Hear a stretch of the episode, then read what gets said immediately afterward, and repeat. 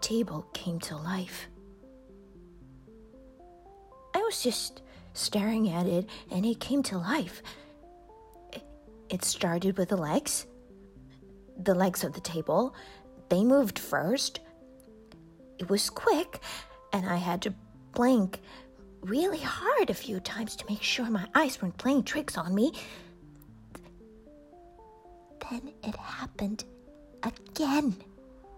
I was like, what the heck is going on around here? I stared directly at the table. It was a coffee table and glass, glass top coffee the, the table, and the glass that sat on the legs of the table opened up, and jaws, teeth, teeth came out like a shark, and it started biting the air, and the legs became fully animated, and it was a monster. And now the monster was on the table and he wanted to eat me.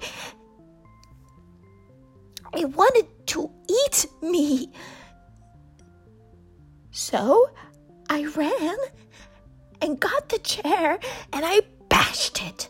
I bashed the glass coffee table monster. I killed it. It's dead.